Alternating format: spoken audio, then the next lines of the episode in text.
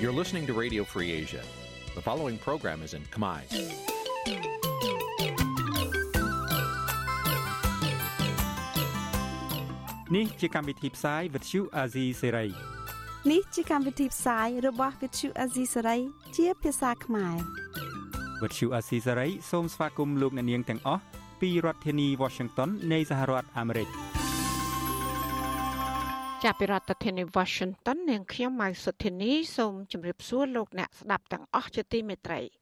ចា៎យើងខ្ញុំសូមជូនការផ្សាយសម្រាប់ព្រឹកថ្ងៃសុក្រ9កើតខែអាសត់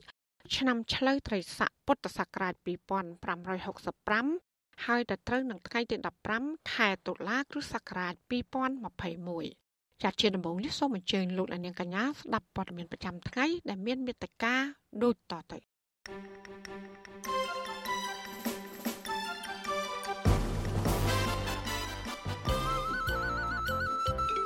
រដ្ឋសភាជាតិកំពុងពិនិត្យសេចក្តីព្រាងច្បាប់កែរដ្ឋធម្មនុញ្ញកំណត់សញ្ជាតិខ្មែរតែមួយ។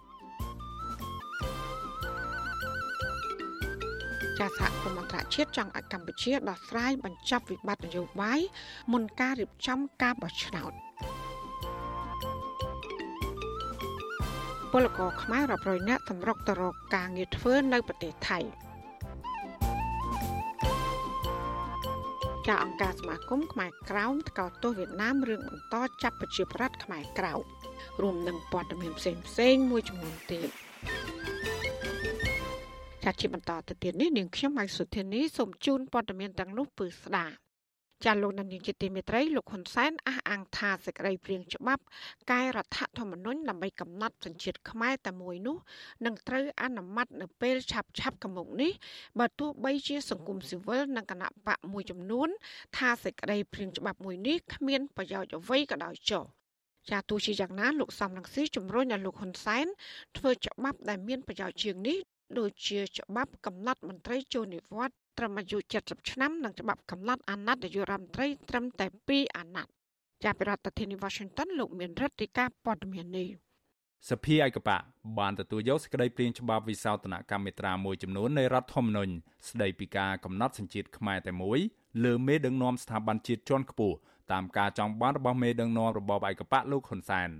ប្រធានរដ្ឋសភាលោកហេងសំរិនបានបកគលការងារនេះឲ្យគណៈកម្មការជំនាញនៃរដ្ឋសភាពិនិត្យនិងសិក្សា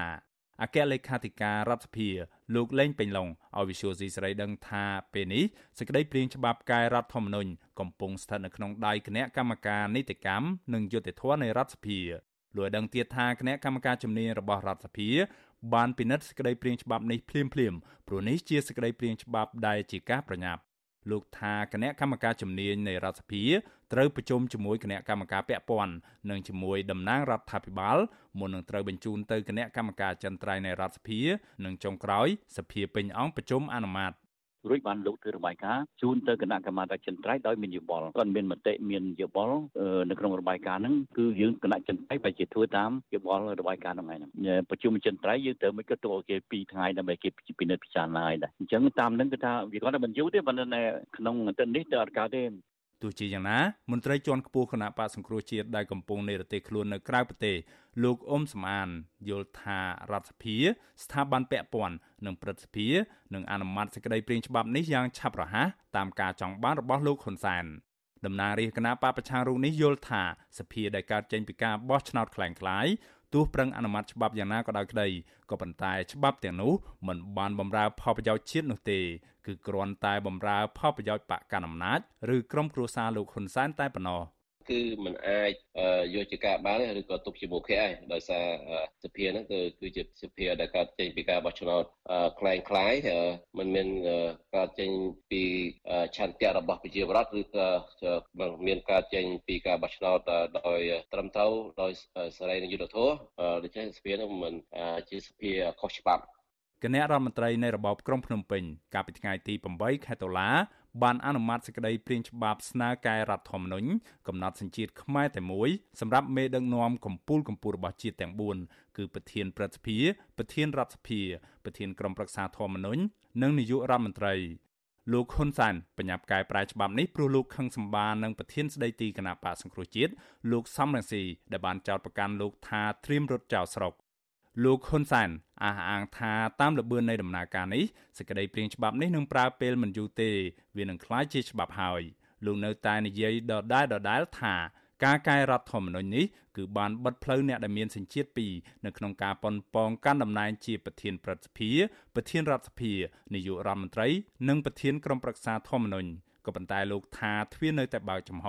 សម្រាប់អ្នកដែលមានសញ្ជាតិពីរនៅក្នុងមុខតំណែងក្រៅពីមេដឹកនាំស្ថាប័នកម្ពុជាទាំង4នេះទោះបីជាលោកហ៊ុនសែនលើកឡើងបែបនេះក្តីក៏ប៉ុន្តែលោកសំរងស៊ីថាលោកហ៊ុនសែនធ្វើច្បាប់នេះឡើង មានបំណងរារាំងតែរូបលោកម្នាក់ប៉ុណ្ណោះមិនឲ្យធ្វើនាយករដ្ឋមន្ត្រី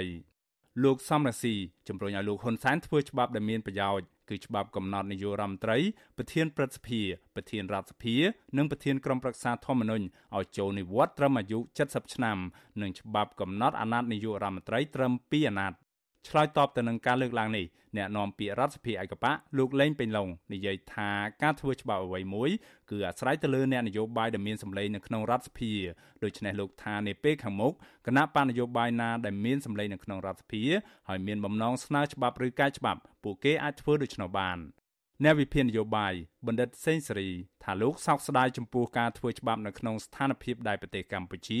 កំពុងមានវិបត្តិជំងឺ Covid-19 និងវិបត្តិនយោបាយ មានន័យថាជាលទ្ធផលហ្នឹងគឺចេញឬមិនចេញយើងសឹងតែដឹងមុនទៅហើយប៉ុន្តែទោះបីយ៉ាងណាក៏ដោយសង្ឃឹមថាសមាជិកភានឹង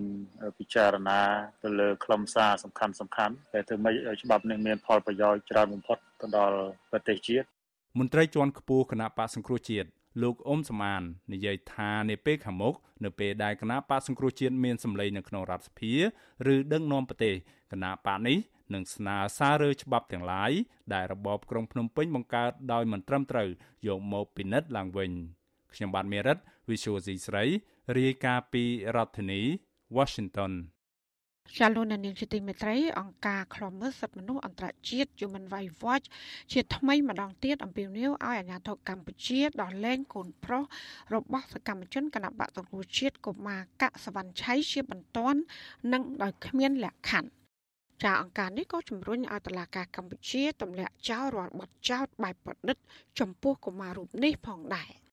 ចានាយករងទទួលបន្ទុកកិច្ចការតំបន់អាស៊ីនៃអង្គការឃ្លាំមើលសិទ្ធិមនុស្សអន្តរជាតិ Human Rights Watch លោក Phil Robertson ថ្លែងក្នុងសេចក្តីថ្លែងការណ៍កាលពីថ្ងៃទី14ខែតុលាម្សិលមិញ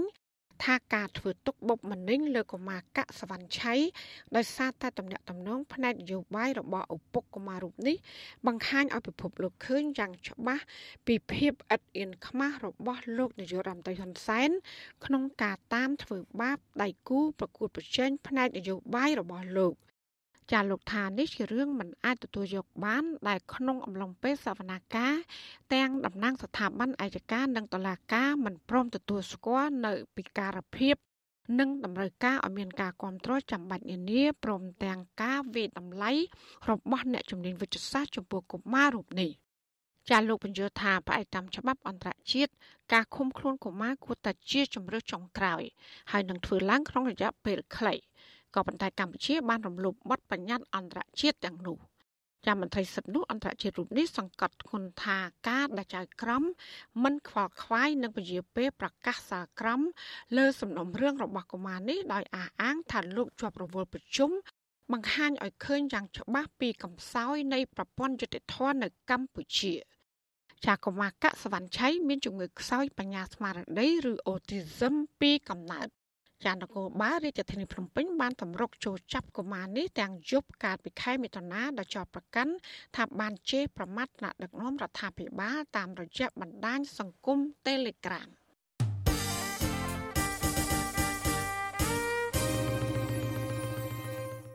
ចាលោកនាយកទីមេត្រីពាក់ព័ន្ធនឹងការរៀបចំការបោះឆ្នោតនាពេលខាងមុខ អង្គការសង្គមស៊ីវិលនិងអ្នកតាមដានស្ថានភាពសង្គមលើកឡើងថាសហគមន៍អន្តរជាតិចង់ឲ្យកម្ពុជា ដោះស្រាយបញ្ចប់វិបត្តិនយោបាយជាមុនសិនជាមួយប្រធានគណៈបក្សសង្គ្រោះជាតិលោកកឹមសុខាចាការថ្លែងបែបនេះក៏នៅបន្ទាប់ពីឯកអគ្គរដ្ឋទូតនិងរាជទូតនៃប្រទេសប្រជាធិបតេយ្យមួយចំនួនបានជួបសន្ទនាជាមួយលោកកឹមសុខាជាបន្តបន្ទាប់កាលពីដើមសប្តាហ៍កន្លងមកនេះចាលោកទីនសាករាយារីកាព័ត៌មាននេះ អង្គទូតប្រទេសប្រជាធិបតេយ្យធំធំបន្តជួបលោកកឹមសុខានិងស្នើឲ្យមានដំណោះស្រាយឆាប់រហ័សសម្រាប់សំណុំរឿងរបស់ប្រធានគណៈបកសង្គ្រោះជាតិរូបនេះអង្គការសង្គមស៊ីវិលនិងអ្នកខ្លាំមើលស្ថានភាពនយោបាយវិតម្លៃថាករណីនេះបង្ហាញថាសហគមន៍អន្តរជាតិនៅតែចង់ឃើញកម្ពុជាបញ្ចប់វិបត្តិនយោបាយនិងឈានទៅរកការផ្សះផ្សាជាតិឡើងវិញប្រធានសមាគមការពារសិទ្ធិមនុស្សអាត6លោកនីសុខាយល់ថា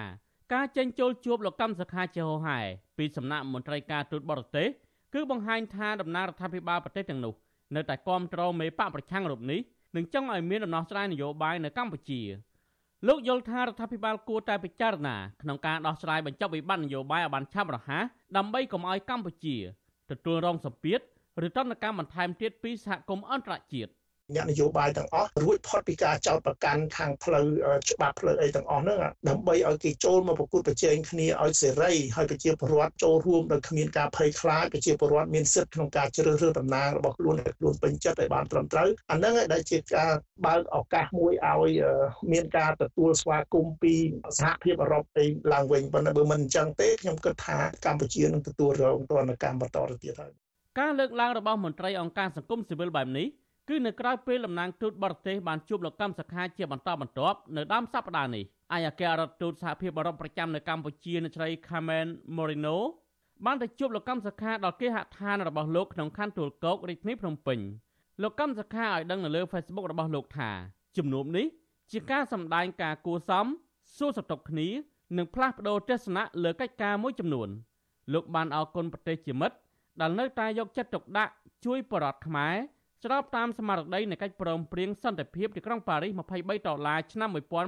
1991បន្ទាប់មកនៅថ្ងៃទី13ដុល្លារលោកកម្មសខាត្រូវបានអញ្ជើញឲ្យជួបទទួលទានអាហារពេលព្រឹកជាមួយឯកអគ្គរដ្ឋទូតអូស្ត្រាលីលោកផាប្លូកាំងនៅឯកន្លែងស្នាក់នៅរបស់លោកឯកអគ្គរដ្ឋទូតស្ថានទូតអូស្ត្រាលីឲ្យដឹងនៅលើបណ្ដាញសង្គម Facebook ថាលោកផាប្លូកាំង បានពិភាក្សាជាមួយលោកកម្មសខាអំពីប្រធានបទមួយចំនួនទាក់ទងនឹងការស្ដារឡើងវិញពីជំងឺ Covid-19 និងការអភិវឌ្ឍប្រទេសកម្ពុជានាពេលអនាគតស្ថានទូតដដាលសង្កត់ធ្ងន់ថា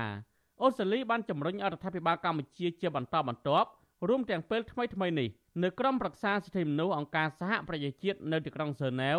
ដើម្បីធានាឲ្យមានការដោះស្រាយឆាប់រហ័សប្រកបដោយតម្លាភាពនិងយុត្តិធម៌អំពីស្ថានភាពនយោបាយរបស់លោកកម្មសខា រីឯលោកកម្មសខាវិញលោកបានបង្ហោះសារអគុណនិងកោតសរសើរដល់ប្រទេសអូស្ត្រាលីដែលបានចូលរួមជួយកម្ពុជាយ៉ាងសកម្មក្នុងការបង្កើតនិងអនុវត្តកិច្ចព្រមព្រៀងសន្តិភាពទីក្រុងប៉ារីសលោកសង្ឃឹមថាអូស្ត្រាលីនឹងបន្តជួយដល់ប្រជាពលរដ្ឋខ្មែរឲ្យទទួលបាននូវអ្វីដែលស្របតាមកិច្ចព្រមព្រៀងទីក្រុងប៉ារីសនិងរដ្ឋធម្មនុញ្ញកម្ពុជាទោះជាយ៉ាងណាជំនួបរវាងអង្គទូតបរទេសជាមួយលោកកម្មសខានេះត្រូវបានតំណាងគណៈបកកណ្ដាលអំណាចចាត់ទុកថា គ្រាន់តែជាមនោសញ្ចេតនាតែប៉ុណ្ណោះមន្ត្រីជាន់ខ្ពស់នឹងជាអ្នកនាំពាក្យគណៈបកកណ្ដាលអំណាចលោកសុកអេសានថ្លែងថាជំនួបរវាងអង្គទូតបរទេសជាមួយលោកកម្មសខានឹងមិនអាចជួយដល់មេបកប្រឆាំងរូបនេះឲ្យរួចផុតពីការចោទប្រកាន់ឬទទួលបានសិទ្ធិធ្វើនយោបាយឡើងវិញបានទេព្រោះលោកថាសំណុំរឿងនេះកំពុងតែស្ថិតនៅក្នុងដៃតុលាការតាំងពីឆ្នាំទៅឆ្នាំទៅមួយដែលទូតបាច់ចំនួនទៅជើងទៅជួបគាត់ដល់ផ្ទះទៀតសួរដល់បានប្រយោជន៍អីឡើយ គ្រាន់តែជួបក្នុងនៃមនោចេតនាដែលធ្លាប់ស្គាល់គ្នាពីមុនដល់ប៉ុណ្ណឹងទេរបបលហ៊ុនសែនបានចាប់ប្រកាន់លោកកម្មសខាពីបទក្បត់ជាតិប៉ុន្តែជាង4ឆ្នាំមកនេះអាញាធរនៅមិនទាន់បង្ហាញភ័ស្តុតាងរឹងមាំណាមួយដែលបង្ហាញពីទោសកំហុសរបស់លោកនោះឡើយផ្ទុយទៅវិញសំណុំរឿងនេះត្រូវបានផ្អឹបទុកទៅតាមការចង់បានរបស់លោកនាយករដ្ឋមន្ត្រីហ៊ុនសែនអគ្គលេខាធិការសហព័ន្ធនិស្សិតបញ្ញវន្តកម្ពុជា លោកគៀនពន្លកថ្លែងថា ការពន្យាពេលជំនុំជម្រះរឿងក្តីដ៏ធំមួយនេះហាក់ជាចេតនាបាត់ផ្លូវលោកកម្មសខាមិនឲ្យចូលរួមក្នុងការបោះឆ្នោតនាពេលខាងមុខលោកថាក្រមប្រទេសប្រជាធិបតេយ្យមិនចង់ឃើញការបោះឆ្នោតដោយកាលពីឆ្នាំ2018នោះទេដូច្នេះទើបបានជាគេជំរុញម្ដងហើយម្ដងទៀតឲ្យរដ្ឋាភិបាលកម្ពុជាដោះស្រាយបញ្ចប់វិបត្តិនយោបាយនៅមុនការបោះឆ្នោតមកដល់លោកបញ្ជាក់ថាដំណោះស្រាយទាំងនោះ មានជាអាចការទម្លាក់ចោលបទចោតប្រកាន់លើលោកកម្មសខា និងសមាជិកគណៈបកប្រឆាំងរួមទាំងអ្នកទោសមនសិការដទៃទៀតការបើកដំណើរការគណៈបកសង្គ្រោះជាតិឡើងវិញហើយនឹងការគោរពសិទ្ធិបរិវត្តជាដើមបើសិនបើរដ្ឋាភិបាលមកដល់ពេលនេះងាកមករកតុកចរចាវិញគឺមិនទាន់ហួសពេលទេអន្តរជាតិនៅតែផ្ដល់ឱកាសឲ្យប្រទេសកម្ពុជាកែប្រែនៅកំហុសរបស់ខ្លួនហើយស្ដារលទ្ធិប្រជាធិបតេយ្យនិងការគោរពសិទ្ធិមនុស្សឡើងវិញក្រមប្រទេសប្រជាធិបតេយ្យអង្គការសង្គមស៊ីវិលជាតិនិងអន្តរជាតិព្រមទាំងទីភ្នាក់ងារអង្គការសហប្រជាជាតិផ្នែកសិទ្ធិមនុស្សផង បានទទួលស្គាល់ថាលោកកឹមសុខាជាមនុស្សស្អាតស្អំនឹងរងការចោទប្រកាន់ដោយអយុត្តិធម៌ពួកគេបន្តទទូចដល់របបលហ៊ុនសែនឲ្យទម្លាក់ចោលបទចោទប្រកាន់និងផ្ដល់សេរីភាពពេញលេញដល់មេបកប្រឆាំងរូបនេះវិញ ដើម្បីឲ្យលោកអាចចាប់ផ្ដើមជីវិតនយោបាយបានដូចដើមឡើងវិញខ្ញុំធីនសាការីយ៉ាអសិលសេរីប្រធានីវ៉ាស៊ីនតោន លោកនានីជាទីមេត្រីបច្ចុប្បន្នចិន គឺជាប្រទេសឈានមុខគេ ក្នុងផ្នែកវិនិយោគនៅកម្ពុជាចាភាគច្រើនការវិនិយោគរបស់ចិនផ្ដោតទៅលើវិស័យកសិកម្មហេដ្ឋារចនាសម្ព័ន្ធទំនប់វារីអគ្គិសនីធម្មពលវិជ្ជាភ័ណ្ឌនិងការរករករ៉ែតើហេតុអ្វីគម្រោងវិនិយោគរបស់ក្រុមហ៊ុនចិនមួយចំនួនធ្វើឲ្យរាជខ្មែរទឹកភ្នែក ចាសសូមលោកនាងកញ្ញារងចាំស្ដាប់សេចក្តីរាយការណ៍ពិស្ដារជុំវិញរឿងនេះនាពេលបន្តិចទៀតនេះចាសសូមអរគុណ thank you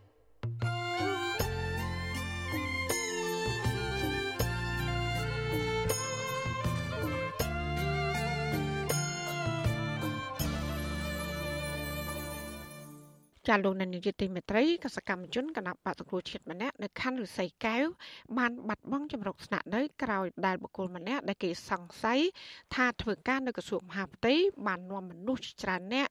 ចុះរុះរើផ្ទះនិងបណ្ដេញពួកគាត់ចេញពីដីកាលពីថ្ងៃទី12ខែតុលាចាសកម្មជនរូបនេះអះអាងថាអាញាធរពពន់មិនបានជួយដោះស្រាយនិងផ្ដល់សំណងជូនពួកគាត់នោះឡើយ មន្ត្រីសង្គមស៊ីវិលចាត់ទុកការធ្វើបែបនេះថាជាទង្វើខុសច្បាប់និងស្នើអាជ្ញាធរពាក់ព័ន្ធចុះស្រាវជ្រាវរឿងនេះជាបន្ទាន់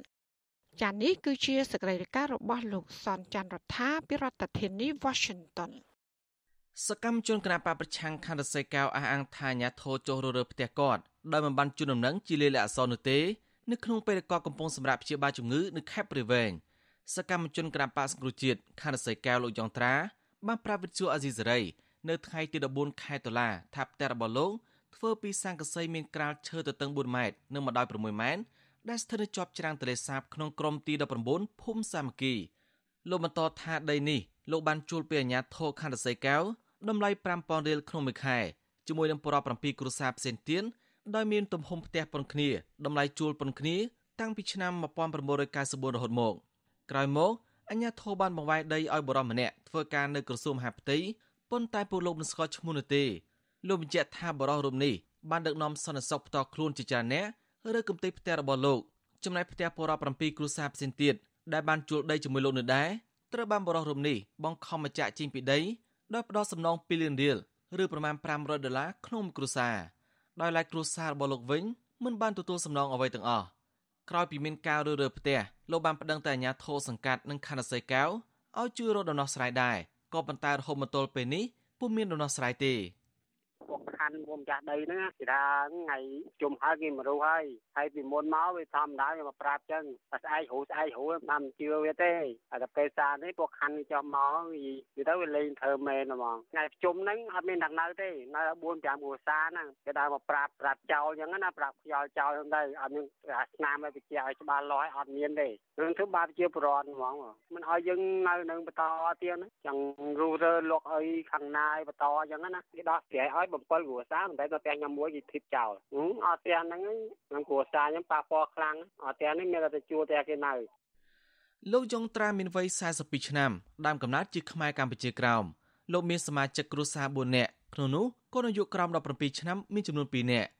លោកបញ្ជាក់ថាបច្ចុប្បន្នពួកលោកកំពុងស្នាក់នៅជាមួយសាច់ញាតិបដាសននៅរាជធានីភ្នំពេញលោកចាត់ទុកការរើរើផ្ទះនេះថាជាការធ្វើទុកបុកម្នេញផ្នែកនយោបាយពីសំណាក់បុគ្គលមានអំណាចនៃអាជ្ញាធរខេត្តរសីកែវ ដើម្បីយកដីរបស់លោកទាំង8គ្រួសារលក់ឲ្យជនជាតិចិនតាក់ទងបញ្ហានេះមេភូមិសាមគ្គីលោកអ៊ីងងឹងបានប្រាវិទ្យាអាស៊ីសេរីថាលោកពុំមានពាក់ព័ន្ធនឹងការរើរើផ្ទះរបស់ពលរដ្ឋនោះទេជាមួយគ្នានេះលោកអះអាងថាពុំមានអាជ្ញាធរណាយកដីច្រាំងទលេដែលពលរដ្ឋនៅនោះលក់ឲ្យជនជាតិចិននោះទេដីមាត់ទលេក៏ដីរដ្ឋទៅខាងលើខាងកើតផ្លូវដីយ៉ាងណីទលេបើនិយាយយើងច្បាប់ដីយ៉ាងណីទលេប៉ុន្តែមិនគ្រួសារគេដេញបណ្ណាខ្លះខ្ញុំអត់បានចុះទៅខ្ញុំឈឺដែរ ពេលខ្ញុំអត់ដឹងព្រោះខ្ញុំអត់មានពាក់ព័ន្ធនឹងលោកដោមាត់ទលេពលរដ្ឋណាវិទ្យុអេស៊ីសរ៉េមិនតន់អាចតតងចៅសង្កាត់រសីកែវលោកមូវរៈនិងអភិបាលខណ្ឌរសីកែវលោកអែកខុនឌឿនដើម្បីសុំការថាតបបន្ថែម អំពីការចាប់ប្រកាន់នេះបាននៅឡើយទេ នៅថ្ងៃទី14ខែតុលាដោយទូរស័ព្ទចូលចរន្តដងពុំមានអ្នកលើកចំណែកអភិបាលរងរាជធានីភ្នំពេញលោកមានច័ន្ទយ៉ាដាសូមមិនឆ្លើយតបចំពោះរឿងនេះទេ បើទោះបីជាយ៉ាងណាអ្នកនាំពាក្យសមាគមការពារសិទ្ធិមនុស្សអាត់ហុកលោកសឹងសានករណាមានប្រសាសន៍ថាការដែលអាញាធររើរើផ្ទះរបស់បុរសនេះគឺជាទង្វើខុសច្បាប់ដោយសាររឿងនេះទំនងជាអាញាធមមូលដ្ឋានខុបខិតគ្នាជាមួយបុគ្គលធ្វើការនៅក្រសួងមហាផ្ទៃលក់ដីច្រាំងទលេលោកស្នើអាញាធរស្រាវជ្រាវរឿងនេះដើម្បីដោះស្រាយជូនពលរដ្ឋនិងចាត់វិធានការតាមផ្លូវច្បាប់លើអ្នកពាក់ព័ន្ធអ្នកពាក់ព័ន្ធផ្សេងផ្សេងទៀតទាំងអស់ហ្នឹងណា ហើយបើសិនជា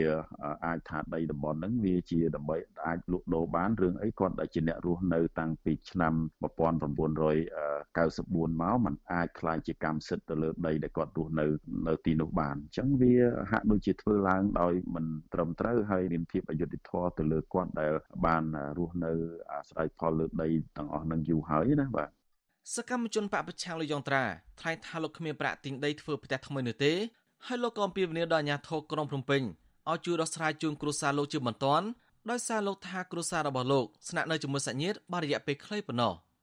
មន្ត្រីសិទ្ធិមនុស្សលោកសឹងសានករណាយល់ថាសកម្មជនរំនេះគួរដាក់ពាក្យប្តឹងទៅអាជ្ញាធររាជធានីភ្នំពេញនិងអង្គការសិទ្ធិមនុស្សដើម្បីស្វែងរកដំណោះស្រាយរឿងនេះខ្ញុំសនចាន់រដ្ឋាវិទ្យុអាស៊ីសេរីរាយការណ៍ពីរដ្ឋធានីវ៉ាស៊ីនតោន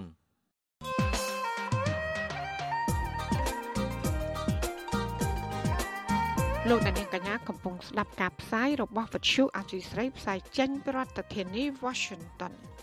ជាមន្ត្រីអង្គការសង្គមស៊ីវិលបន្តព្រួយបារម្ភពីប្រជាប្រដ្ឋរងការបណ្ដឹងចេញពីផ្ទះសម្បែងដោយបង្ខំនៅក្នុងអំឡុងពេលរាលដាលនៃជំងឺ Covid-19 ចាស់ពួកគាត់បានខ្លាចជាជនរងគ្រោះគ្មានទីជម្រក និងបាត់បង់ប្រាក់ចំណូលដែលនាំឲ្យប៉ះពាល់ក្នុងជីវិតគ្រួសារ។ ចាសហគមន៍ដែលរងការបណ្ដឹងចេញទាំងនោះបានបាត់បង់ឱកាស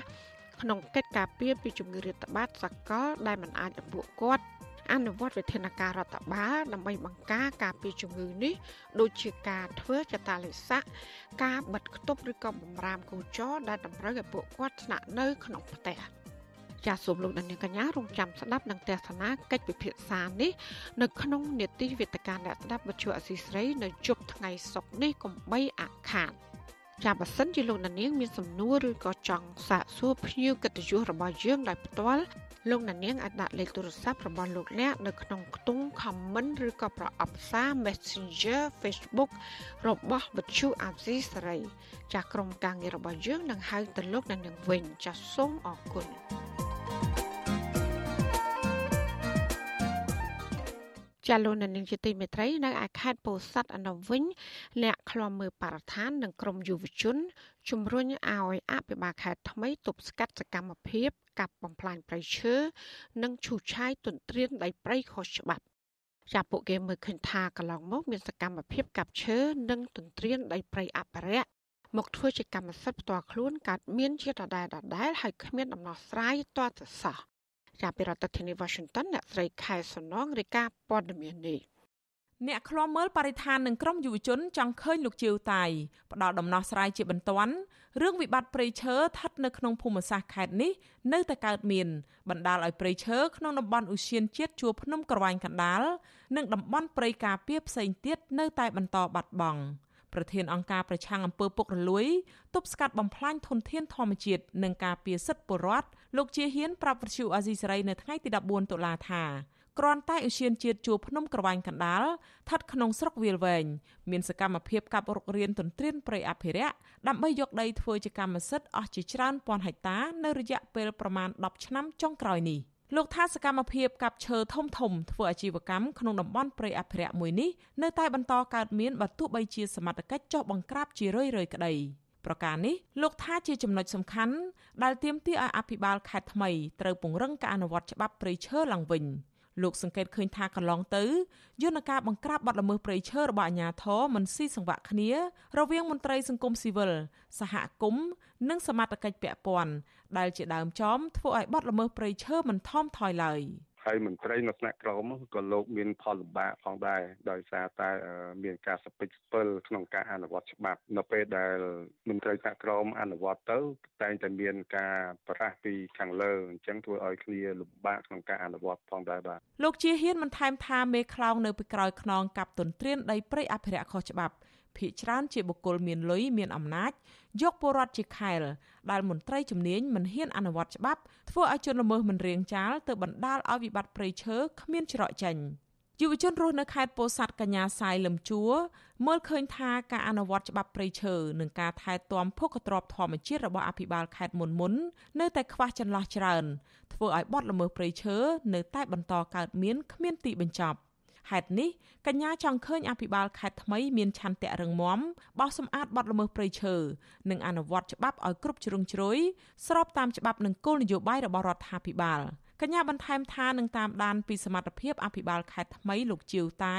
ថានឹងអាចដោះស្រាយបញ្ហានេះបានកម្រិតណា។ តែគាត់គ្មានឆន្ទៈទេអញ្ចឹងអាបញ្ហាហ្នឹងវានៅតែកើតឡើងដដែលដដែលអញ្ចឹងណាគាត់តែមានឆន្ទៈក្នុងការដោះស្រាយហើយនឹងការពេញទួនាទីរបស់គាត់នឹងដែរបញ្ហាការកម្មត្រៀនការកម្មផ្លាញ់ព្រៃឈើមានការដឹកឈើចេញពីតំបន់ព្រៃឈើនៅតំបន់ជួរភ្នំកវាញហ្នឹងដែរនៅអញ្ចឹងបើយើងមើលជារួមទៅវានៅតែមានការខ្វះចន្លោះណាយើងអាចមើលឃើញពីភាពខ្វះចន្លោះក្នុងការទប់ស្កាត់បាត់ល្មើសព្រៃឈើការកម្មត្រៀនព្រៃឈើហ្នឹងដែរការលើកឡើងនេះ គឺបន្ទាប់ពីរដ្ឋមន្ត្រីក្រសួងមហាផ្ទៃលោកសខេងនៅព្រឹកថ្ងៃទី14ខែតុលា បានធ្វើជាអធិបតីប្រកាសមុខតំណែងលោកជាវតៃជាអភិបាលខេត្តពោធិ៍សាត់ថ្មីជំនួសលោកម៉ៅថនិនលោកសខេងបានណែនាំឲ្យអភិបាលខេត្តពោធិ៍សាត់ដែលទើបតែងតាំងថ្មីត្រូវទទួលខុសត្រូវបំពេញតួនាទីបម្រើប្រជាពលរដ្ឋនិងរដ្ឋាភិបាលឲ្យបានច្បាស់លាស់ស្របតាមរដ្ឋធម្មនុញ្ញនិងលិខិតបទដ្ឋាននានា ទន្ទឹមនឹងយើងក្តាប់ឲ្យជាប់នៅគោលការណ៍គោលនយោបាយច្បាប់លិខិតបទដ្ឋានគតិយុត្តដែលពាក់ព័ន្ធត្រូវតែដោះស្រាយបញ្ហានៅក្នុងខេត្តដែនសមត្ថកិច្ចរបស់យើងនេះឲ្យបានល្អប្រសើរជាបញ្ហាដ៏មានសារៈសំខាន់ដែលយើងមិនអាចមើលរំលងបានក្នុងពេលប្រកាសមុខតំណែងលោកជាវតាយជាអភិបាលខេត្តពោធិ៍សាត់ថ្មីលោកបដិញ្ញាថានឹងប្រឹងប្រែងបំពេញតួនាទីភារកិច្ចឲ្យបានល្អប្រសើរស្របតាមច្បាប់និងគោលនយោបាយរបស់រដ្ឋាភិបាលជាធរមាន ទោះបីជាយ៉ាងណាលោកជាវតៃក៏ជាប់ឈ្មោះជាមន្ត្រីដែលមានរឿងអាស្រូវច្រើនដែរក្នុងតំណែងជាអភិបាលខេត្តកំពតជាង4ឆ្នាំលោករងការចោទប្រកាន់ថាខ្វះចន្លោះច្រើនក្នុងកិច្ចការពៀទ្របសាធារណៈរបស់រដ្ឋដែលបណ្ដេតបណ្ដោយឲ្យបុគ្គលមានលុយមានអំណាចនិងក្រុមហ៊ុនឯកជនកាយភ្នំយ៉ាងហោចណាស់ជាង10កន្លែងធ្វើអាជីវកម្មក្នុងខេត្តកំពតអភិបាលរូបនេះក៏បណ្ដេតបណ្ដោយឲ្យមានសកម្មភាពចាក់ដីលុបព្រែកអូនិងឆ្នេរសមុទ្រដោយខុសច្បាប់ផងដែរ សកម្មជនការពារព្រៃឈើលោកហេងស្រស់សង្កេតឃើញថាអភិបាលខេត្តពោធិ៍សាត់មុនមុននិងសមត្ថកិច្ចពាក់ព័ន្ធនៅមិនទាន់អនុវត្តច្បាប់ព្រៃឈើឲ្យម៉ឺងម៉ាត់ស្របតាមទិសដៅច្បាប់នោះទេលោកគិតថាការដោះស្រាយបញ្ហានេះក៏អាស្រ័យទៅលើឆន្ទៈរបស់រដ្ឋាភិបាលដែរព្រោះអ្នកដែលពាក់ព័ន្ធกับបំផ្លាញព្រៃឈើគឺជាមន្ត្រីធំធំ និងក្រុមអង្គការមួយចំនួនធ្វើឲ្យអភិបាលខេត្តពិបាកនឹងអនុវត្តច្បាប់លោកថាបារដ្ឋាភិបាលមានចំហច្បាស់លាស់បង្ក្រាបបទល្មើសព្រៃឈើ គួរតែលុបបំបាត់រោងចក្រអាឈើទាំងអស់និងហាមមិនឲ្យមានចរាចរណ៍ឈើទៅក្រៅប្រទេសជាដើមឆន្ទៈរបស់រាជរដ្ឋាភិបាលបើសិនជារាជរដ្ឋាភិបាលគាត់មានឆន្ទៈក្នុងការដោះស្រាយកុំឲ្យមានការកំផ្លាញព្រៃឈើនៅក្នុងប្រទេសកម្ពុជានោះយើងជឿជាក់ថារាល់សកម្មភាពដែលកាប់បំផ្លាញព្រៃឈើនៅក្នុងប្រទេសកម្ពុជាវាមិនអាចកើតឡើងបានទេអង្គការឃ្លាំមើលព្រៃឈើពិភពលោក Global Forest Watch បានផ្សាយរបាយការណ៍ស្រាវជ្រាវមួយរកឃើញថាគម្របព្រៃឈើជាង14សែនហិកតា ត្រូវបានបាត់បង់នៅក្នុងតំបន់ជួរភ្នំក្រវាញកណ្ដាលចន្លោះពីឆ្នាំ2001ដល់ឆ្នាំ2019ការបាត់បង់គម្របព្រៃឈើធំធេងនេះធ្វើឲ្យប៉ះពាល់ដល់ព្រៃអភិរក្សទាំង8នៅតំបន់នោះចា៎នាងខ្ញុំខែសុណងវັດឈូអាស៊ីសេរីរាយការណ៍ពីរដ្ឋធានី Washington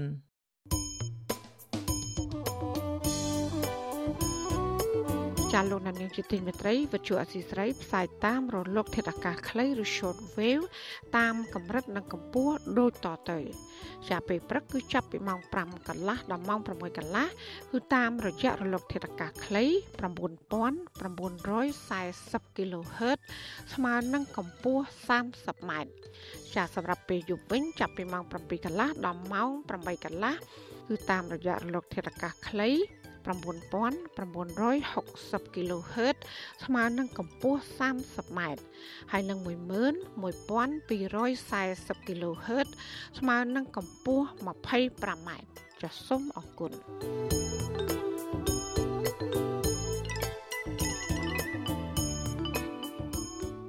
ចាលោកនាងជាទីមេត្រីពាក់ព័ន្ធនឹងទំនាស់ដីធ្លីនៅខេត្តព្រះវិហារនៅវិញ ប្រជាប្រដ្ឋដែលមានតំណដីធ្លីជាមួយក្រុមហ៊ុនចិន Union Development Group មិនព្រមទទួលយកគោលនយោបាយដោះដូរដីទៅទីតាំងថ្មី ដែលផ្ដល់ដល់អាជ្ញាធរខេត្តកោះកុងដើម្បីបញ្ចប់វិវាទដីធ្លីនេះទេប្រជាប្រដ្ឋជាច្រើនខូសាររនៅស្រុកគិរីសាគរនិងស្រុកបតុមសាគរខេត្តកោះកុងបដិសេធមិនទទួលយកបានកម្មសិទ្ធិចាប់ដីលោតដែលអាជ្ញាធរខេត្តកោះកុង ផ្ដល់ឲ្យចាប់ពី1ហិកតាដល់2ហិកតានៅថ្ងៃទី14ខែតុលាដោយសារតែដំណោះស្រាយមិនសមទៅនឹងផលប៉ះពាល់ដែលពួកគាត់បានបាត់បង់ដីអស់ជាច្រើនហិកតាក្នុងរយៈពេលជាង10ឆ្នាំមកនេះការមិនព្រមទទួលសំណងនេះក្រោយដែលអាជ្ញាធរខេត្តកោះកុង និងក្រសួងដែនដីសម្រាប់ផ្ដាល់ដំណោះស្រាយខុសៗគ្នាតាមគោលនយោបាយរបស់រដ្ឋាភិបាល ដោយបែងចែកប្រជាប្រដ្ឋជាង1300គ្រួសារចេញជា3ក្រុមដែលរងផលប៉ះពាល់ពីគម្រោងវិនិយោគអភិវឌ្ឍរបស់ក្រុមហ៊ុនចិនយូនៀន ចាប់ប្រជាប្រដ្ឋក្រុមទី1ដែលរស់នៅក្នុងទីតាំងវិនិយោគរបស់ក្រុមហ៊ុន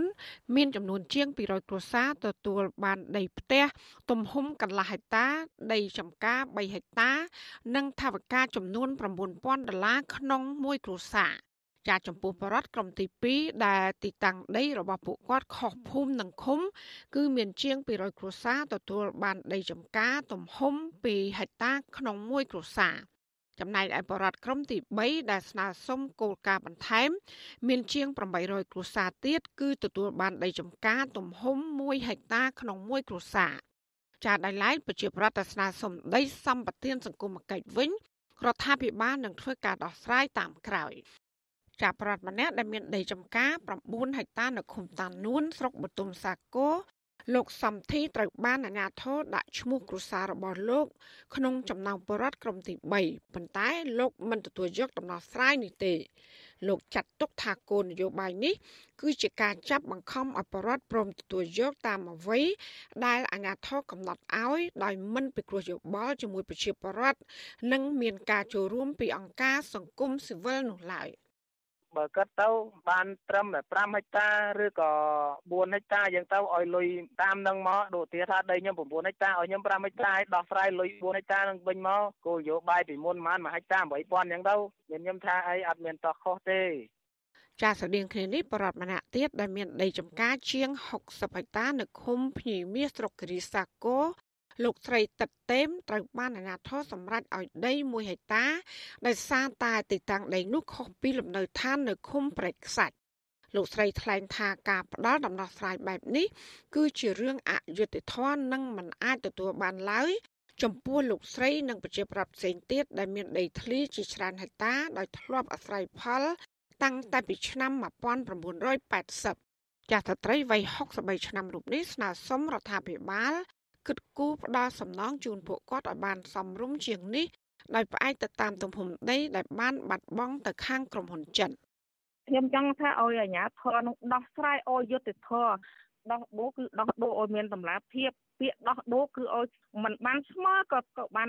ពាក់កណ្ដាលហើយយើងថែមជាថវិកាមកអានោះគេហៅដោះដូរអានេះអត់បានឲ្យខ្ញុំពីហាត់ថាសួរថាខ្ញុំយកមិនបានខ្ញុំទទួលយកអត់បានទេបើសិនតែខ្ញុំអត់មានដីឲ្យខ្ញុំ10ម៉ែត្រ20ម៉ែត្រ30ម៉ែត្រក៏ខ្ញុំទទួលយកដោយការរីករាយបាទនេះគឺខ្ញុំមានរបស់ខ្ញុំខ្ញុំមានដីមានផ្ទះមានអីរបស់ខ្ញុំសំរុំហេតុម៉េចមិនដោះដូរឲ្យអត់មានតម្លាភាពអញ្ចឹងពួកខ្ញុំអត់អាចទទួលយកបានពួកខ្ញុំនឹងមានការតវ៉ាទៀត ចាវត្ថុអសីស្រីមិនអាចសុំការឆ្លើយតបរឿងនេះពីអភិបាលរងខេត្តកោះកុងលោកសុកសុធី និងរដ្ឋលេខាធិការក្រសួងដែនដីលោកទេពធននៅថ្ងៃទី14ខែតុលាបានទេដោយសារតែទូរស័ព្ទហៅចូលតែគ្មានអ្នកទទួលចាទោះបីយ៉ាងណាអភិបាលរងខេត្តកោះកុងលោកសុកសុធី បានប្រាប់វិទ្យុក្នុងស្រុកថាការដោះស្រាយនេះគឺជាគោលនយោបាយរបស់រដ្ឋាភិបាល ចំពោះប្រជាប្រដ្ឋណាដែលមិនព្រមទទួលយកនេះគឺជាការសម្រេចរបស់ពួកគាត់ចាំមន្ត្រីខ្លំមើលសិទ្ធិមនុស្សនៃអង្គការលីកាដូប្រចាំខេត្តកោះកុងលោកហួអ៊ីនឲ្យដឹងថាលោកបានទទួលដំណឹងពីប្រជាប្រដ្ឋជាច្រើនគូសាដែលមានដីធ្លីចាប់ពី4ហិកតាឡើងទៅ គឺមិនសប្បាយចិត្តនឹងដំណោះស្រាយនេះទេដោយសារតែពួកគាត់ បានបាត់បង់ប្រាក់ចំណូលពីរបរធ្វើចំការក្នុងរយៈពេលជាង10ឆ្នាំមកនេះ នៅក្នុងចំនួនជាមួយនឹងក្រុមហ៊ុនចិនចាលោកយោធាអាញាធរគួរតែពិនិត្យមើលការទៀមទារបស់ក្រមប្រជាពលរដ្ឋដែលមិនព្រមទទួលយកសំណងនេះឡើងវិញ ហើយដោះស្រាយជូនពួកគាត់ដោយតម្លាភាពទើបអាចបញ្ចប់បញ្ហានេះបាន ការកំណត់លក្ខខណ្ឌឲ្យទទួលយកគោលការណ៍អន្តរជាតិដូចដូចជាអញ្ចេះយើងឃើញថាវាមិនយុត្តិធម៌ទេសម្រាប់សម្រាប់ពួកគាត់ណាអញ្ចឹងអាជ្ញាធរត្រូវត្រូវតែកាត់ទៅតាមទំហំនៃការខូចខាតរបស់ប្រជាពលរដ្ឋដែលរងផលប៉ះពាល់ទៅតាមទំហំដីផ្សេងផ្សេងគ្នា ហើយក្នុងលក្ខខណ្ឌដែលក្រុមហ៊ុនឬក៏ខាងគណៈកម្មការរបស់ក្រសួងมันមានសមត្ថភាពឬក៏លទ្ធភាពដោះស្រាយបានទេចំហរបស់ពួកគាត់គឺភាគច្រើនគាត់សូមឲ្យបកគោដីហ្នឹងមកឲ្យពួកគាត់វិញមកក្រុមហ៊ុនចិន Union Development Group បានទទួលដីសម្បត្តិសេដ្ឋកិច្ចនៅចំកណ្ដាលឈានជាតិបទុមសាគរក្នុងខេត្តកោះកុងសរុបចំនួនជាង45000ហិកតាពីរដ្ឋាភិបាលលោកហ៊ុនសែនកាលពីឆ្នាំ2008 ដើម្បីសាងសង់ទីក្រុងទេសចរណ៍ដ៏ធំមួយដែលត្រូវចំណាយទឹកប្រាក់ជិត4000លានដុល្លារអាមេរិកចាគម្រោងអភិវឌ្ឍនេះបានបណ្ដាលឲ្យប្រជាពលរដ្ឋជាង1000គ្រួសារត្រូវចាក់ចេញពីលំនៅឋានរបស់ពួកគាត់ក៏ប៉ុន្តែនៅមានប្រជាពលរដ្ឋជាច្រើនគ្រួសារទៀតនៅមិនទាន់ទទួលបានដំណោះស្រាយនៅឡើយរហូតមកដល់ពេលនេះចាក្រមប្រជាពលរដ្ឋដែលមិនទទួលយកគោលនយោបាយដីធ្លីនេះ ស្នើសុំអាជ្ញាធរខេត្តកោះកុងនិងក្រសួងដែនដីបើកវេទិកាពិភាក្សាជាមួយប្រជាពលរដ្ឋនិងផ្ដល់សំណងសំរុំដែលអាចទទួលយកបាន។ចាប់បរដ្ឋប្រកាន់ជំហរថាប៉ះសិនបើអាញាធមមិនស្វែងរកដំណោះស្រាយល្អជាងនេះទេ នោះពួកគាត់នឹងនាំគ្នាចេញតវ៉ាតាមស្ថាប័នរដ្ឋលុះត្រាតែទទួលបានដំណោះស្រាយសមរម្យ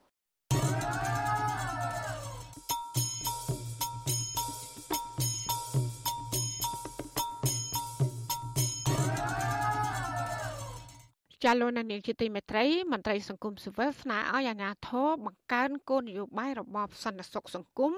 បង្កើតការងារក្នុងស្រុកនិងបណ្ដុះបណ្ដាលវិជ្ជាជីវៈផ្សេងផ្សេងដល់ប្រជាពលរដ្ឋដើម្បីកាត់បន្ថយការធ្វើចំណាក់ស្រុកចូលប្រទេសថៃដោយបថុយប្រឋានជាសំណើនេះធ្វើឡើងនៅបន្ទាប់ពីកាលពីថ្ងៃទី13ខែតុលាកម្លាំងបញ្ជាការវរៈសនាតូចថ្មើរជើងលេខ513 បានខាត់ខ្លួនពលករខ្មែរ37នាក់ដែលបំរុងលួចឆ្លងដែនចូលទៅប្រទេសថៃនៅចំណុចនៅភូមិសាលាខ្មែរឃុំអូបីជាន់ស្រុកអូជ្រៅខេត្តបន្ទាយមានជ័យ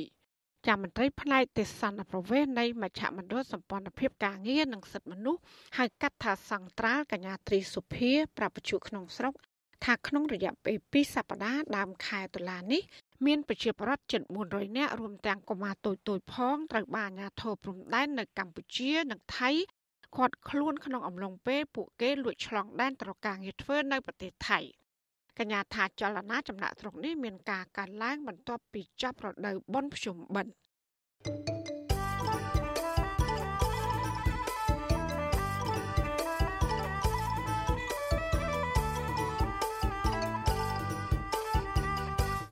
លោកនាយកជាទីមេត្រី បច្ចុប្បន្នចិន គឺជាប្រទេសឈានមុខគេ ក្នុងផ្នែកវិនិយោគនៅកម្ពុជាចាភាគច្រើនការវិនិយោគរបស់ចិនផ្ដោតទៅលើវិស័យកសិកម្មហេដ្ឋារចនាសម្ព័ន្ធទំនប់វារីអគ្គិសនីធម្មពលវិជ្ជាភ័ណ្ឌនិងការរករករ៉ែប៉ុន្តែគេសង្កេតឃើញថាគម្រោងវិនិយោគធំធំមួយចំនួនរបស់ចិន នៅកម្ពុជានេះបានធ្វើឲ្យរាជខ្មែរទឹកភ្នែកដោយសារតែការបាត់បង់ដីធ្លីស្រែចម្ការលំនៅឋាន ការរំលោភសិទ្ធិមនុស្សនិងមិនទទួលបានសំណងសមរម្យតើហេតុអ្វីគម្រោងវិនិយោគរបស់ក្រុមហ៊ុនចិនមួយចំនួន ធ្វើឲ្យរាជខ្មែរទឹកភ្នែកហើយថាតើរដ្ឋាភិបាលត្រូវធ្វើដូចម្តេចខ្លះដើម្បីធានាថារាល់ការវិនិយោគរបស់ក្រុមហ៊ុនចិន អាចផ្ដល់ផលប្រយោជន៍ដល់ប្រជាពលរដ្ឋខ្មែរដែលជាម្ចាស់សហគមន៍ ចាសសូមលោកនាងស្ដាប់សេចក្តីរាយការណ៍ពិស្ដាររបស់លោកសេកបណ្ឌិតជំនាញព័ត៌មាននេះចិនកំពុងមានគម្រោងវិនិយោគធំធំជាច្រើននៅកម្ពុជា ស្ថិតិរបស់ក្រមប្រឹក្សាអភិវឌ្ឍកម្ពុជាហៅកាត់ថា CDC ឲ្យដឹងថា ចាប់តាំងពីឆ្នាំ1994ដល់ឆ្នាំ2019វិនិយោគចិនរ៉ាប់រងជាង21%នៃវិនិយោគផ្ទាល់ពីបរទេសសរុបនៅកម្ពុជា ចិនបាននាំមុខប្រទេសកូរ៉េខាងត្បូងចក្រភពអង់គ្លេសម៉ាឡេស៊ីជប៉ុន ក្រុងហុងកុងកោះតៃវ៉ាន់វៀតណាម សិង្ហបុរីនិងថៃ ដោយឡែកនៅក្នុងឆ្នាំ2019វិនិយោគចិននៅកម្ពុជា មានជិត3000លានដុល្លារអាមេរិកក្នុងចំណោមវិនិយោគផ្ទាល់ពីបរទេសសរុបចំនួនជាង9000លានដុល្លារអាមេរិកគិតត្រឹមឆមាសទី1នៃឆ្នាំ2021 ទុនវិនិយោគផ្ទាល់ពីបរទេសរបស់ចិននៅកម្ពុជា មានប្រមាណ2000លានដុល្លារអាមេរិកគឺនៅតែឈរលំដាប់លេខរៀងទី1ឈានមុខប្រទេសផ្សេងផ្សេងទៀតការកើនឡើងនៃវិនិយោគចិននៅកម្ពុជាត្រូវបានគេមើលឃើញថាដោយសារតែរដ្ឋាភិបាលនៃបកកុម្មុយនីសចិន និងរដ្ឋាភិបាលនៃគណៈបកប្រជាជនកម្ពុជារបស់លោកហ៊ុនសែនកំពុងមានទំនាក់ទំនងល្អនឹងគ្នា ដែលជាការបើកផ្លូវឲ្យជនជាតិនិងវិនិយោគិនចិន ចូលមកកម្ពុជាកាន់តែច្រើនឡើងច្រើនឡើងគម្រោងវិនិយោគធំធំ ដែលរដ្ឋាភិបាលកម្ពុជាបានផ្ដល់សិទ្ធិវិនិយោគទៅឲ្យក្រុមហ៊ុនចិនរួមមានគម្រោងសាងសង់ផ្លូវលបឿនលឿនភ្នំពេញខេត្តព្រះសីហនុដែលសាងសង់ដោយក្រុមហ៊ុនចិនឈ្មោះ China Road and Bridge Corporation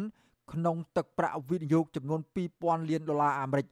គម្រោងសាងសង់ស្ថានីយ៍អគ្គិសនីដុតដោយធ្យូងថ្មនៅខេត្តព្រះសីហនុគម្រោងសាងសង់ប្រលានយន្តហោះអន្តរជាតិសៀមរាបអង្គរគម្រោងរោងចក្រផលិតស្ករសនៅខេត្តព្រះវិហារគម្រោងសាងសង់ទំនប់វារីអគ្គិសនីសេសានក្រោម2នៅខេត្តស្ទឹងត្រែង និងគម្រោងអភិវឌ្ឍតំបន់តារាសាគរខេត្តកោះកុងជាដើមដែលសុទ្ធសឹងតែចំណាយទុនវិនិយោគពីខ្ទង់រយលានដល់ពាន់លានដុល្លារអាមេរិក ក្នុងចំណោមគម្រោងវិនិយោគធំធំទាំងអស់នេះគម្រោងខ្លះត្រូវបានដាក់ឲ្យដំណើរការរួចរាល់ហើយ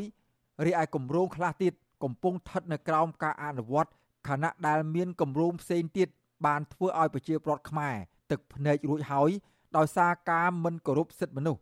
ក្នុងនោះ មានដូចជាគម្រោងវិនិយោគដាំអំពៅដើម្បីផលិតជាស្ករសនៅខេត្តព្រះវិហារ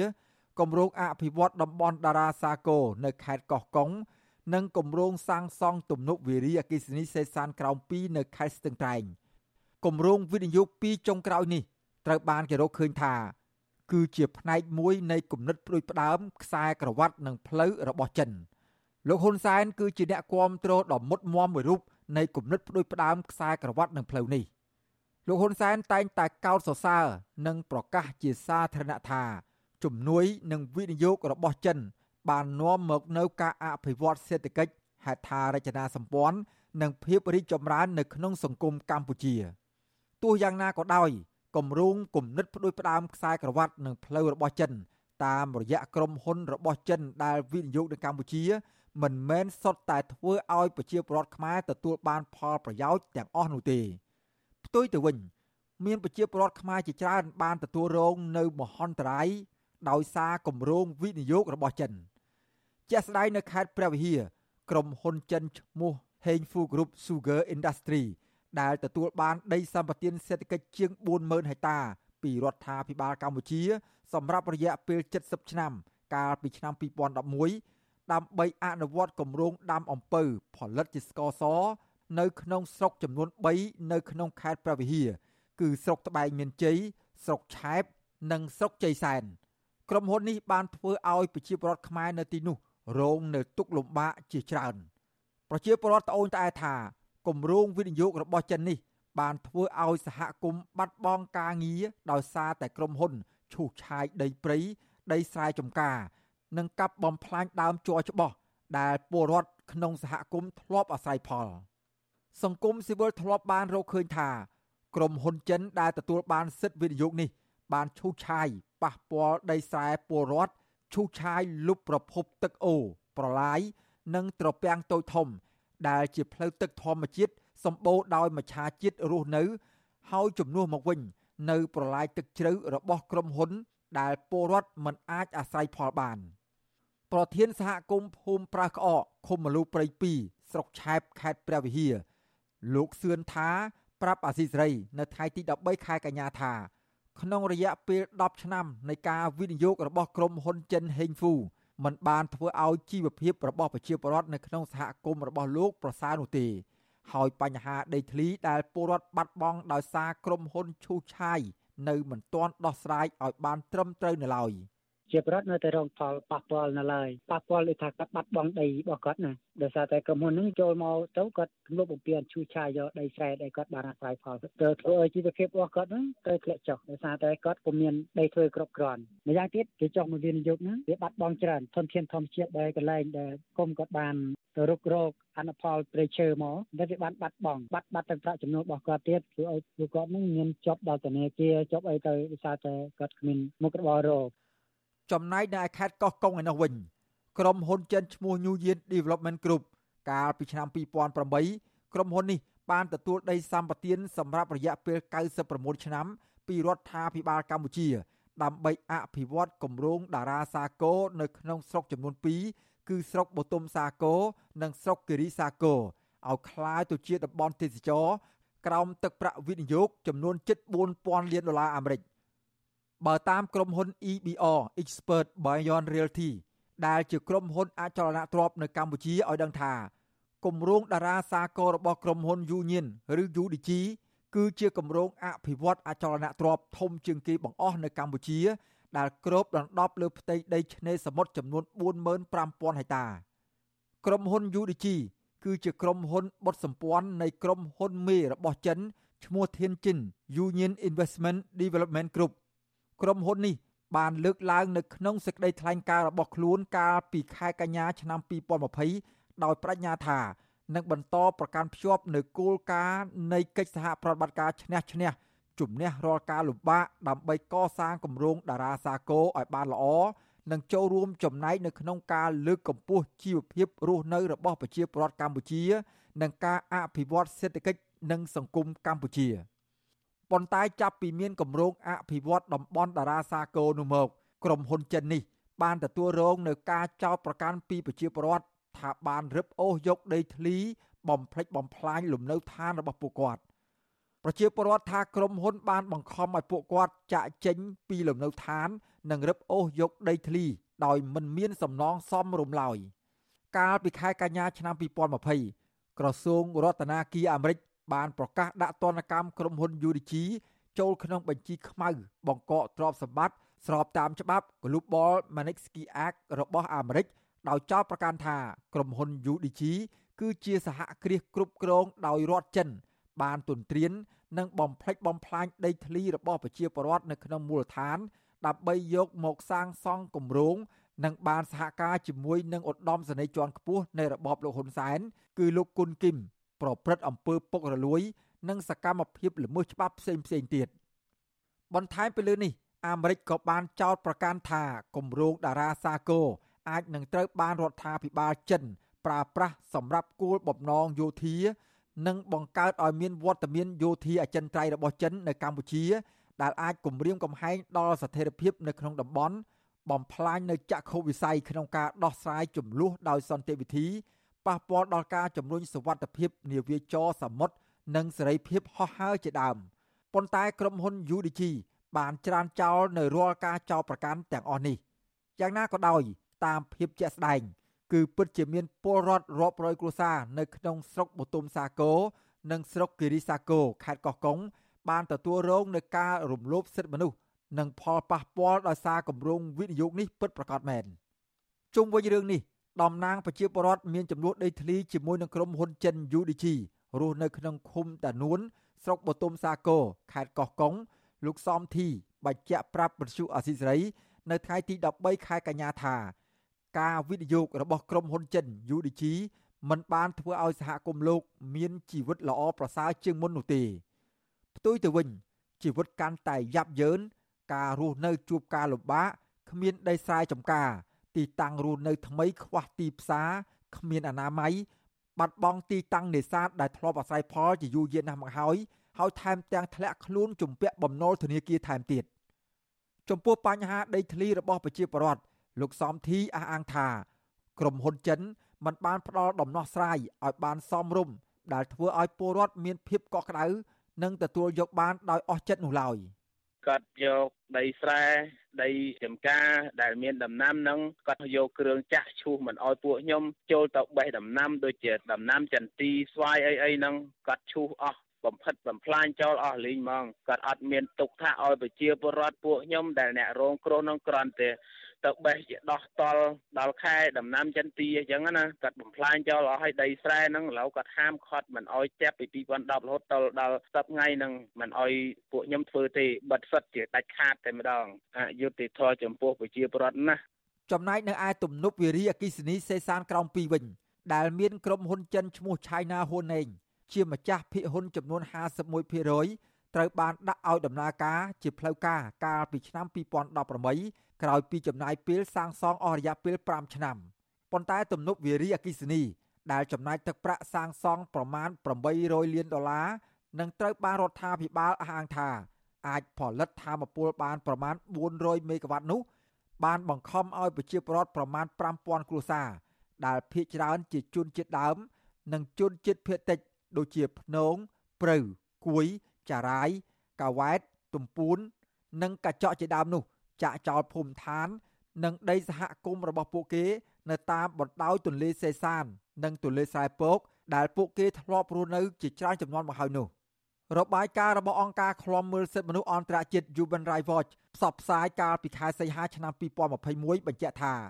ទំនប់វារីអគ្គិសនីសេសានក្រោម2គឺជាគម្រោងទំនប់វារីអគ្គិសនីមួយក្នុងចំណោមគម្រោងវារីអគ្គិសនីចំនួន7របស់ចិននៅកម្ពុជា Human Rights Watch អះអាងថា ទំនប់វារីអគ្គិសនីសេសានក្រោម2នេះ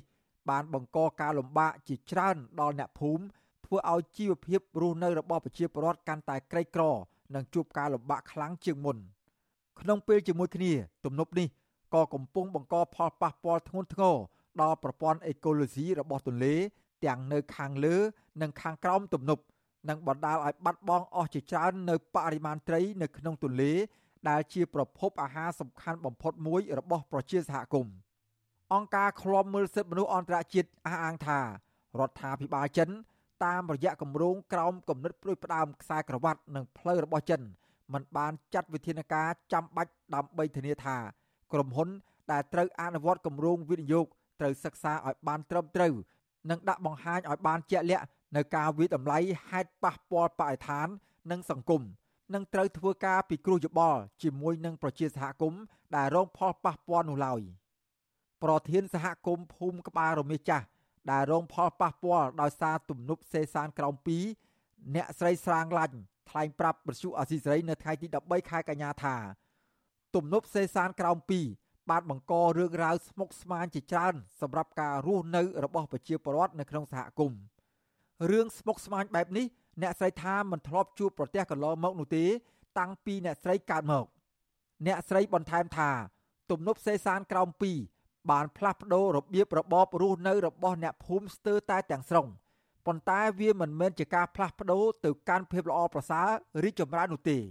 ពីមុនគឺប្រជាពលរដ្ឋយើងរស់រៀនមានជីវិតដោយរស់តាមធនធានធម្មជាតិតាមប្រពៃណីវប្បធម៌របស់យើងខ្ញុំដែលធ្លាប់ទុកម្ដាយនាំប្រកបរបរអាជីពធ្វើស្រែចម្ការ បោចវជាប់ទឹកទេគ្មានការស្មុគស្មាញទេពីមុនហើយគ្មានការបាត់បង់ដីស្រែចម្ការវិលជុំនិងដីស្រែជាក់ស្ដែងគ្មានការបាត់បង់ដំណាំដាំដុះផ្ទះសម្បែងទេទើបតែបច្ចុប្បន្នឥឡូវឥឡូវនេះ2014 15រហូតឥឡូវនេះហេតុអីក៏អភិវឌ្ឍធ្វើឲ្យប្រជាពលរដ្ឋមានការស្មុគស្មាញមានការក្រលំបាករកដីធ្វើស្រែគ្មានរកផ្ទះនៅគ្មាន ចំពោះផលវិបាករបស់អ្នកភូមិ បង្កឡើងដោយទំនប់វារីអគ្គិសនីសេសានក្រោម2របស់ចិននេះ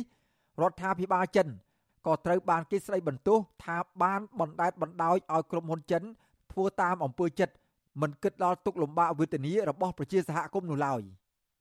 អង្គការឃ្លាំមើលសិទ្ធិមនុស្សអន្តរជាតិបានរកឃើញថារដ្ឋាភិបាលចិនមិនធ្លាប់បានដាក់កំហិតឲ្យក្រុមហ៊ុនចិន ដែលទទួលបានមូលនិធិសន្ធឹកសន្ធាប់ពីគម្រោងគំនិតផ្ដួចផ្ដើមខ្សែក្រវ៉ាត់និងផ្លូវរបស់ខ្លួន មានកាតព្វកិច្ចទទួលខុសត្រូវចំពោះអ្នកភូមិដែលទទួលរងផលប៉ះពាល់ដោយសារគម្រោងវិនិយោគជាពិសេសគឺការទទួលខុសត្រូវក្នុងការផ្ដល់នៅសំណងគ្រប់គ្រាន់ចំពោះការខូចខាតឬក៏មហន្តរាយដែលបង្កឡើងដោយការអនុវត្តគម្រោងនោះទេអង្គការ Human Rights Watch បញ្ជាក់ថា ការមិនខ្វាយខ្វល់អំពីការរំលោភបំពាននានា បង្កឡើងដោយក្រុមហ៊ុនរបស់ចិននៅកម្ពុជា មានន័យថារដ្ឋាភិបាលចិន បានរួមចំណែកធ្វើឲ្យមានការរំលោភសិទ្ធិមនុស្សធ្ងន់ធ្ងរនៅកម្ពុជាវុទ្ធុអាស៊ីសេរីបានព្យាយាមតាក់ទងប្រធានអង្គភិបអ្នកណែនាំពាក្យរដ្ឋាភិបាលលោកផៃស៊ីផាន និងអ្នកណែនាំពាក្យក្រសួងសេដ្ឋកិច្ចនិងហិរញ្ញវត្ថុលោកមាសសុកសេនសាន ដើម្បីសាកសួរអំពីផលវិបាកបង្កឡើងដោយក្រុមហ៊ុនចិននៅកម្ពុជាក៏ប៉ុន្តែលោកទាំងពីរមិនបានលើកទូរស័ព្ទនោះទេ នៅថ្ងៃទី13ខែកញ្ញាអង្គការឃ្លាំមើលសិទ្ធិមនុស្សអន្តរជាតិបានលើកឡើងថា រដ្ឋាភិបាលកម្ពុជា គឺជាអ្នកដើរតួនាទីសំខាន់និងទទួលខុសត្រូវខ្ពស់ក្នុងការធានាការពារសិទ្ធិនិងផលប្រយោជន៍របស់ប្រជាពលរដ្ឋពីការអភិវឌ្ឍអ្នកសម្របសម្រួលគម្រោងធុរកិច្ចនិងសិទ្ធិមនុស្សនៃមជ្ឈមណ្ឌលសិទ្ធិមនុស្សកម្ពុជា លោកវ៉ាន់សុផាតក៏សម្គាល់ឃើញថាគម្រោងវិនិយោគមួយចំនួននៅកម្ពុជា ខ្វះនៅតម្លាភាព និងមិនទាន់អនុលោមឬក៏អនុវត្តទៅតាមច្បាប់ជាតិ និងលិខិតតូបកសិទ្ធិមនុស្សអន្តរជាតិពាក់ព័ន្ធនានាដែលកម្ពុជាបានផ្ដល់សច្ចាប័ននោះទេលើពីនេះទៀតលោកសង្កេតឃើញថាក្រុមហ៊ុនធំធំនានាហាក់ទទួលបានការគ្រប់គ្រងដោយកម្លាំងអាជ្ញាធរសាធារណៈថែមទៀតបើទោះបីជាក្រុមហ៊ុនមួយចំនួនបានរំលោភសិទ្ធិពលរដ្ឋយ៉ាងណាក្តីបើសិនជារដ្ឋណាអនុវត្តទៅតាមអតីនៃគោលស្មារតីនៃច្បាប់អន្តរជាតិច្បាប់សិទ្ធិមនុស្សអន្តរជាតិដែលយើងបានផ្ដោតចាប័ន អនុវត្តទៅតាមស្មារតីរដ្ឋធម្មនុញ្ញរបស់យើងតាមច្បាប់ភូមិបាលតាមច្បាប់សាមីកតាមអតីនៃច្បាប់បរិស្ថានការពារបរិស្ថានទាំងអស់ហ្នឹងហើយនឹងជាពិសេសគឺគោលការណ៍ណែនាំបងការធុរកិច្ចនិងសិទ្ធិមនុស្សហ្នឹងអាហ្នឹងខ្ញុំជឿថាវាអាចដោះស្រាយបានហើយបាទតាមពិតយើងមានយន្តការដោះស្រាយមិនមែនអត់ទេបាទបើសិនជារដ្ឋហើយនឹងធុរកិច្ចហ្នឹងមានឆន្ទៈដោះស្រាយពិតប្រាកដស្រដៀងគ្នានេះដែរអង្គការឃ្លាំមើលសិទ្ធិមនុស្សអន្តរជាតិលើកឡើងថាក្រុមហ៊ុនទាំងឡាយណា ដែលទទួលបានសិទ្ធិវិនិយោគនៅកម្ពុជាមិនថាក្រុមហ៊ុនបរទេសឬក្រុមហ៊ុនក្នុងស្រុកឡើយគឺត្រូវតែមានការទទួលខុសត្រូវក្រោមច្បាប់សិទ្ធិមនុស្សអន្តរជាតិនៅក្នុងរង្វង់នៃប្រតិបត្តិការអាជីវកម្មឬការវិនិយោគរបស់ខ្លួនពួកគេត្រូវមានការទទួលខុសត្រូវក្នុងការដោះស្រាយកង្វល់នានារបស់ប្រជាសហគមន៍ដែលរងផលប៉ះពាល់ជាពិសេសត្រូវធានាថារាល់ការបំលាស់ទីពលរដ្ឋនិងសំណង់នានា ត្រូវធ្វើឡើងដោយគោរពពេញលេញទៅតាមគោលការណ៍សិទ្ធិមនុស្សខ្ញុំបាទសេកបណ្ឌិតវិទ្យុអាស៊ីសេរីពីរដ្ឋធានីវ៉ាស៊ីនតោន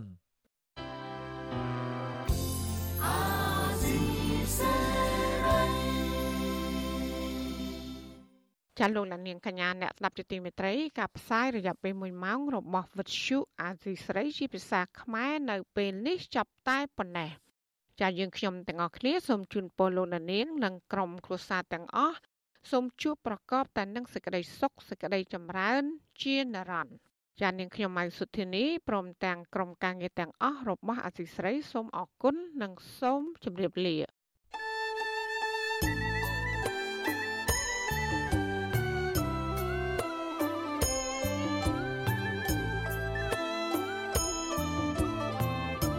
វិទ្យុអាស៊ីសេរីផ្សាយតាមរលក ធាតុអាកាសខ្លីឬ short wave តាមកម្រិតនិងកម្ពស់ដូចតទៅនេះពេលព្រឹកចាប់ពីម៉ោង5កន្លះដល់ម៉ោង6កន្លះតាមរយៈរលក ធាតុអាកាសខ្លី13715 kHz ស្មើនឹងកម្ពស់ 22m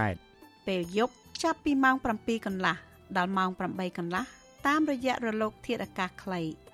9960 kHz ស្មើនឹងកម្ពស់ 30m និង11240 kHz ស្មើនឹងកម្ពស់ 25m លោកអ្នកនាងក៏អាចស្ដាប់ការផ្សាយផ្ទាល់តាមប្រព័ន្ធអ៊ីនធឺណិតដោយចូលទៅកាន់គេហទំព័រ www.rfa.org/ ខ្មែរក្រៅពីនេះលោកអ្នកនាងក៏អាចអាននិងទស្សនាព័ត៌មានវិទ្យុអាស៊ីសេរីលើទូរស័ព្ទដៃរបស់លោកអ្នកផ្ទាល់ សូមលោកអ្នកនាងចូលទៅកាន់បណ្ដាញសង្គម Facebook ដែលមានអាសយដ្ឋាន www.facebook.com/rfa.cambodia និង YouTube www.youtube.com/rfa ខ្មែរ video សូមលោកអ្នកនាងចុច like និងចុច Subscribe ដើម្បីទទួលបានព័ត៌មានថ្មីៗទាន់ហេតុការណ៍និងទស្សនាវីដេអូផ្សេងៗទៀតបានគ្រប់ពេលវេលា។